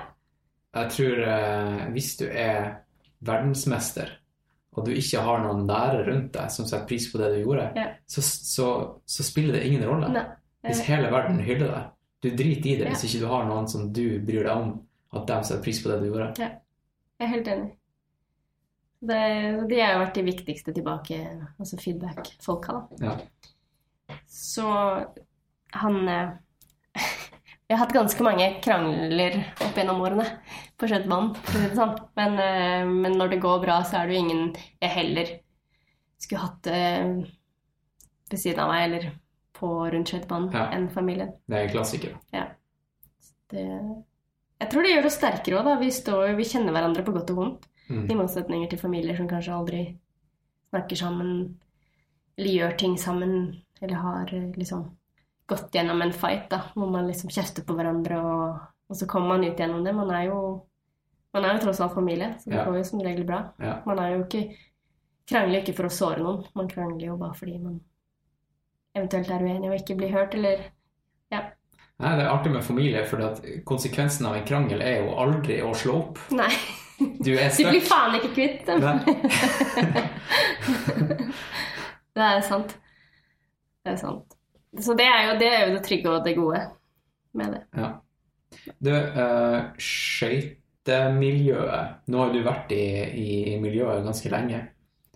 Fra du var liksom eh, ble kjempeflink som uh, Sein junior til nå, hvordan har det endra seg? Kan du liksom lage en tidslinje og stemninga i toppen? Fordi jeg føler at det har skjedd sykt mye de siste ti årene på liksom mm, i toppen. Og jeg vet at du har vært gjennom mye. ja. Um, det er jo Jeg føler vi er inne på noe bra nå Ja, i, Det- i toppen. nå Bra er det jo stemning. Nå er det god stemning. Det har det, har det ikke alltid vært. Det var jo Det her er jo min mine egne oppfatninger. Altså får folk være enige eller uenige så mye de vil. Men sånn som jeg har opplevd de siste ti årene, så, så er det klart at det her er det sterkeste og best sammensveisa laget som det noen gang har vært. Mm. Nå, nå som jeg har vært med på treninger og turer, så er folkene Altså, de koser seg med hverandre, da. Og de stoler på hverandre, og det er Ja. god stemning. Det er ikke noe det er ikke noe drittkasting, det er ikke noe sjalusi. Altså det er, folk blir generelt Man blir sånn ordentlig glad da, på andres vegne når folk gjør det bra. Og støtter hverandre og, og er snille og gode. Og, og sånn har jeg opplevd at det ikke har vært før. Sånn på det nivået, i hvert fall. For det var jo en periode hvor vi hadde en trener som som gjorde Skapte liksom veldig mye ufin stemning i eh, lagene, sånn at, i laget, sånn at man Man var redd for sin egen plass da, på Ja, laget. Ja. Og det gjør jo at man ikke Da blir det liksom sånn survival instinct som slår inn, istedenfor kameraderi. At ja, man støtter hverandre. At hver prestasjon er avgjørende Ja. for uh, eksistensen din. Og da tråkker man heller på andre enn å, enn å bygge de opp og, Ja. og støtte hverandre. Så det mener jeg det har de gjort en god jobb med å få til nå. At uh, det har endra seg, og, og folk eh, hjelper hverandre på trening. Folk bygger hverandre opp. Um, Mm. Det er sånn jeg Det er sikkert derfor vi gjør det så bra nå også. Absolutt. Jeg leste en artikkel her eh, som var skrevet av The Times, tror jeg det var, om suksessen i det alpinlandslaget, i det norske alpinlandslaget. At Ja. de eh, Teams who sleep together succeed together. Altså Da mener vi ikke at de ligger sammen på den måten, men de, De er mye spooner sammen. Ja, de spyner sammen. De har ikke noe problem med å ligge i seng med hverandre. Altså De er nære og tette, og de lever livet sammen da, og, deler de gode og de dårlige øyeblikkene. Og det er ingen som har noe sånn Det er ikke noe hierarki. Det er liksom Du kommer inn på laget og er, er en del av det. Og da Ja. må, du ta, må du ta din share, og du må bidra. Mm. Uh, og det tror jeg er veldig viktig for å skape et, et, et godt team. At man både skjønner at uh, her kan jeg ikke bare flyte på de andres suksess, da, eller kan, jeg må bidra med liksom det jeg har og det jeg er, og, og støtte på trening og liksom ja, både gi og ta, da. Mm. Litt som i familien din. Ja, litt som det. Ja. Og det tror jeg Det tror jeg er en suksessoppskrift. Ja. Være et team. Mm. Hva er planen nå, da? For nå er du skada. Er, er sesongen spolert? Sesongen er ferdig. Jeg får ikke gått NM engang. Eh, Når er NM er i slutten av mars i Bjugn. Ja, det, det er like, like greit. Du slipper å dra til Bjugn. Ja, det, det, var, det var ikke den største største tristheten, holdt jeg på å si. Det. Jeg hadde, men jeg hadde veldig lyst til å dra til Calgary da, og gå finaleløpet. Ja, men for det er jo årets høydepunkt. Det er årets høydepunkt, Ja. med tilhørende da bankettfest, Ja. som man liksom har venta seks-sju måneder med å, med å ta en, seg en liten feiring. Så Ja. er det alltid Det er alltid gøy. Eh, før vi går videre på, eh, på snakken om eh, framtida di, så kan vi jo touche bortom det her festen i Calgary. Skal vi virkelig touche bort? Jeg har opplevd den en gang. Jeg trodde det er sånn. Whatever happens there, stays there. Ja. Du trenger ikke gå i detalj på hva som skjer. Nei, men, eh, men uh, uh, hva skjer med toppidrettsutøvere når de ikke drikker, på, altså ikke drikker alkohol eller fester, og bare, bare trener, spiser, sover, sover i seks-sju måneder, og så får de lov til å gjøre hva de vil en dag? Hva skjer da? Det er jo så mye som skal ut. Det er så mye energi som du skal, du skal bare ha ut. Du er liksom, du er, enten så er du glad for at du har prestert bra i finaleløpet, eller så er du liksom Eller så er du er du forbanna, og det skal ut. Altså alt, altså Den kvelden så betyr ingenting av liksom det skøytemessige noe som helst. Nei. Da er det bare det er ferdig, du kan nullstille. Du skal bare ha det gøy med vennene dine, som du liksom trener med hver dag. Du er sammen med dem hele tiden, og dere skal bare gjøre noe helt annet sammen. Og Du kan liksom sammenligne det med noen kuer da, som skal, når det er kuslepp på våren, og de skal ut og på gresset, når du har sett de liksom hoppe bortover og bare er så gira. Det er litt sånn Og vi tåler jo ingenting. Nei. Altså alkohol eh, Du trenger jo ikke å kjøpe mye alkohol da, for å ta den kvelden, men det gjør man jo ofte.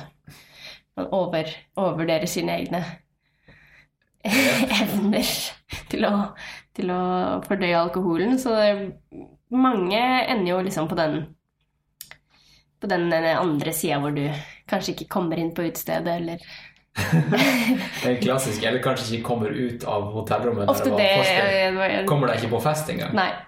Det, er liksom, det er veldig sånn Det er en bratt kurve. Ja. Så, men du har det veldig gøy, da, den timen. det, det, er det, det, er, det er en fantastisk opplevelse å, å være sammen med noen som skal bare ha alt ut. ja. Og så er det verdenseliten. Det er alle du har, du har reist med og konkurrert med hele år, og, og konkurrert mot. Mm. Ikke sant? Og selv om de ikke snakker ditt språk, kanskje det er kinesere, så er det liksom Fuck it, vi fester sammen. Ja, det er god stemning. Mm.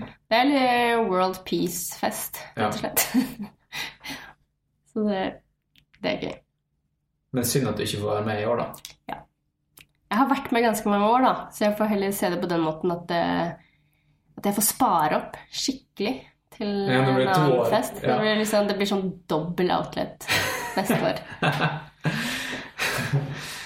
Ok, men eh, la oss si at du blir frisk da, i Ja. løpet av en måned eller to.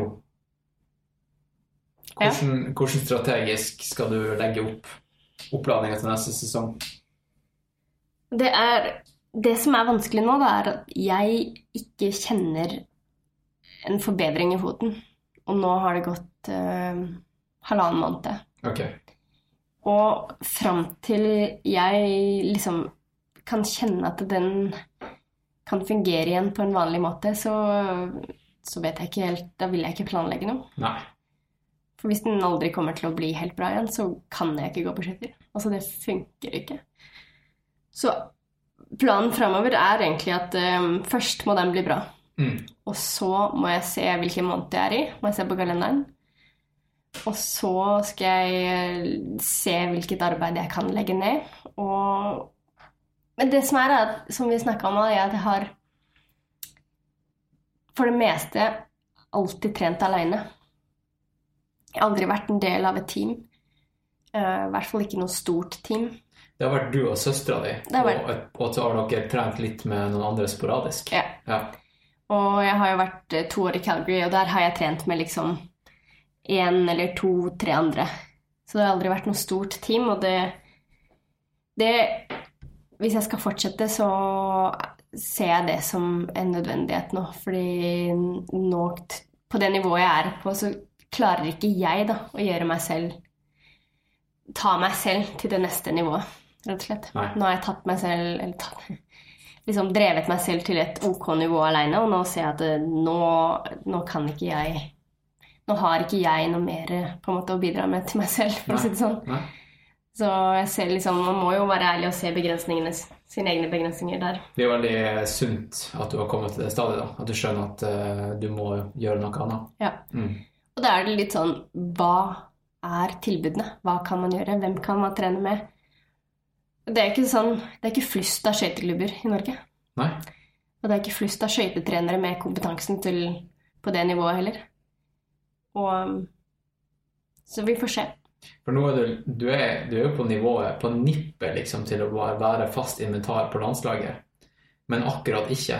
Mm. Og det er jo Jeg føler at jeg, var- jeg var ikke akkurat der da jeg slutta. Jeg var kanskje litt sånn nivået rett før der du er, på det der eh, World Cup-stadiet. Mm.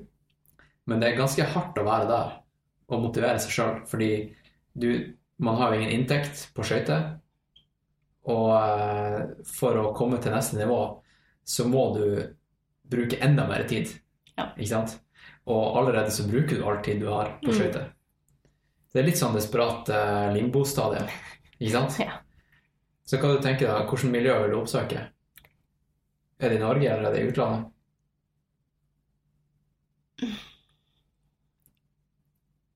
Landslaget i Norge er jo et alternativ. Jeg trodde og håpa at jeg skulle få lov til å være med på det i år, da, altså inn mot den sesongen her. Jeg skjønte at det var en stretch fordi det er OL-sesong, og da er jo alt Det er unntakstilstand. Det er unntakstilstand. Ja. Men eh, jeg hadde lite håp om det for det. Så jeg ble veldig skuffa da jeg ikke fikk være med. Og Men så, så, det, er, det er egentlig det jeg vil trene med. Hvis ikke, så så blir det Calgary, da. ja. Men jeg tror ikke jeg Sånn som livet mitt er nå, hvis det blir sånn med at jeg får noe fast jobb, så føler jeg ikke at jeg kan si nei til det for skøytene. Nei. Akkurat nå, da. Nå er jeg jo ikke, jeg er ikke fast ansatt. Men uh, jeg vet ikke. På et eller annet tidspunkt så må man på en måte si at eh, nå har det vært nok gratisjobbing og ofring, så liksom om man kan jeg, jeg vet ikke. Jeg syns det er kjempevanskelig å, å innfinne meg med at jeg skal ikke gå på skøyter i det hele tatt. Så jeg, jeg har ikke kommet til liksom noen konklusjon om foten blir bra, eller om den ikke blir bra om jeg skal slutte. Så vi får se. ja, men den blir jo bra. Den blir bra. Ja, det, det er jo ikke vits i å ha noen plan B. Bare kjøre på med plan A helt til, eh, Helt til det bytter. ja, helt til noen finner en ny plan A. Ja, det livet blir jo aldri som man planlegger uansett. Nei. Så det er jo Jeg bare gjør det man har trua på. Ja. ja. Men eh, ellers så er det jo mye annet man kan gjøre òg. Av sport. Ja. Og du har jo skifta sport og Ja. har funnet din nye lidenskap, så det, er jo, det er jo håp for alle. Jeg drev og tenkte på det senest i går, husker jeg. eh, At eh, hvis jeg skulle blitt skada, som gjorde at jeg fikk en skade som gjorde at jeg ikke kunne springe lenger, så tror jeg at jeg ganske fort hadde funnet glede i en ny idrett. Alt eh, står jo ikke på løping, liksom. Jeg kunne, jeg kunne begynt med Jeg kunne gått tilbake til jiu-jitsu, liksom. Ja. Det rart med det, men liksom bare det trigger en eller annen glede, så kan du, så kan du gjøre det. Mm. Så det er litt det man, man Det å sette seg mål da, innenfor den idretten man holder på med, og ikke kunne nå de målene, Ja. det er selvfølgelig kjipt. Men da får man sette seg nye mål. Ja, Mm. Bra prat, eh, Rikke. Ja, veldig bra prat. Veldig Ja. hyggelig å få være med på Nå er det alvor. Nå er det alvor. Nå er det alvor. Bare nesten, da. Ja. Jeg føler at eh, Ja, vi sa jo at eh, Du sa at navn, det var et bra navn på en podkast. Men når jeg sier 'nå er det alvor', podka- når folk spør meg hva heter podkasten din, jeg sier 'nå er det alvor', så går de og googler NO mellomrom er det alvor. Ja. Fordi de tror at det er på min dialekt. Ja. Så så smart var det ikke. og på engelsk, hvordan skal man uh, si hva den heter, hvis man skal direkte oversette den? Now it's fucking serious. Ja, Yeah. Now, it's, now it's serious. Real talk. Real talk. Yeah. Litt sånn, har du sett på CNN, han uh, Quest? Yeah. Quest means business. Hans means business. Du, hvor, eh, hvor dem som hører på nå, og de tenker det er Rikke Jepson, jeg vil følge hennes journey fra ska, ny skade til, uh, til triumf. Til mm. Hvor er det neste OL skal være? Vet du det? Om fire år? Nå sto det helt stille. Er det Russland? Nei. Nei, det er vel Kina? Ja. Er det ikke Beijing? ja, er det det? Det er kanskje det. Hæ? Jo. Ok, four more years, Rikke Jepson. Eh, hvordan kan uh, følge deg? Du kan følge meg på Instagram på Rikkjepp. R-I-K-J-E-P. Rikkjepp. Rikkjepp. Ja. Eller Rikjepp, som mange hadde gøy av å si. Rikjepp på Insta. ja. Det er egentlig der jeg er. Eller så, eller Og hvis er de vil stalke deg på dagen, hvor de finner deg når du Mm. ikke er inne på jobb på gata Da er jeg på treningssenteret på Nesodden. mm. Det er på Energihuset. Energihuset. Ja. Ok, Er ikke det et bra navn? for kjempebra. Ja. Så, Ja. så der kan du snakke meg. Der kan du finne meg. Det er bare å ta tak i meg hvis du meg. Jeg slår ikke så veldig ofte. Jeg smiler. Smiler som regel. Der og på Nesoddbåten. Ja. Det er, det er er der jeg henger mest, Ja. faktisk. Og hvis de skal eh, Hvordan ser det ut hvis du, vil, eh, hvis du absolutt vil ha en stalker etter deg? Og eh, jeg vil helst ikke be om en stalker, men en vennligsinnet person som er ute etter en hyggelig samtale. Ja. Ja. Eh, nei, jeg har vel eh, blondt hår, da. Så er jeg vel ca. 1,68 høy. Så jeg har svære lår. Kjempestore lår. Ja. Det er det viktigste. ja. ja. All right. Men um, det er en makron igjen. Det må du spise før du går. den, eh, den er din. Den er min? Ja. Ok. Mm. Uh, skal vi si uh, over og ut, Roger og Knut? Over og ut, Roger og Knut. Ja. Det sier vi. Har du noen ønskesang du vil at vi skal spille i outroen som ikke blir plukka opp av uh, create, Altså sånn eh, Å ja, Hva det det er heter? sånn- Det må være Creative Commons. Ja, det har jo um... Eller sånn som jeg bruker å gjøre, det bare finne en skikkelig gammel og sampla sang, og så håpe på det beste. Det er genialt. Ja. Det er genialt. Hva er favorittsangen din, da? Hvis vi kunne funnet Oh. en coverversjon. Ja, det, altså, jeg hører jo mye på ny musikk, men en eller annen eh, Altså, en gamle den eldste sangen må vel kanskje være en sånn derre Jolene eh, med Dolly Parton. Ok, da, da finner jeg en, en, en skikkelig dårlig sample, eller en coverversjon av Jolene, og så spiller vi den nå. Takk for i dag. Snakkes. Snakkes. Snakkes.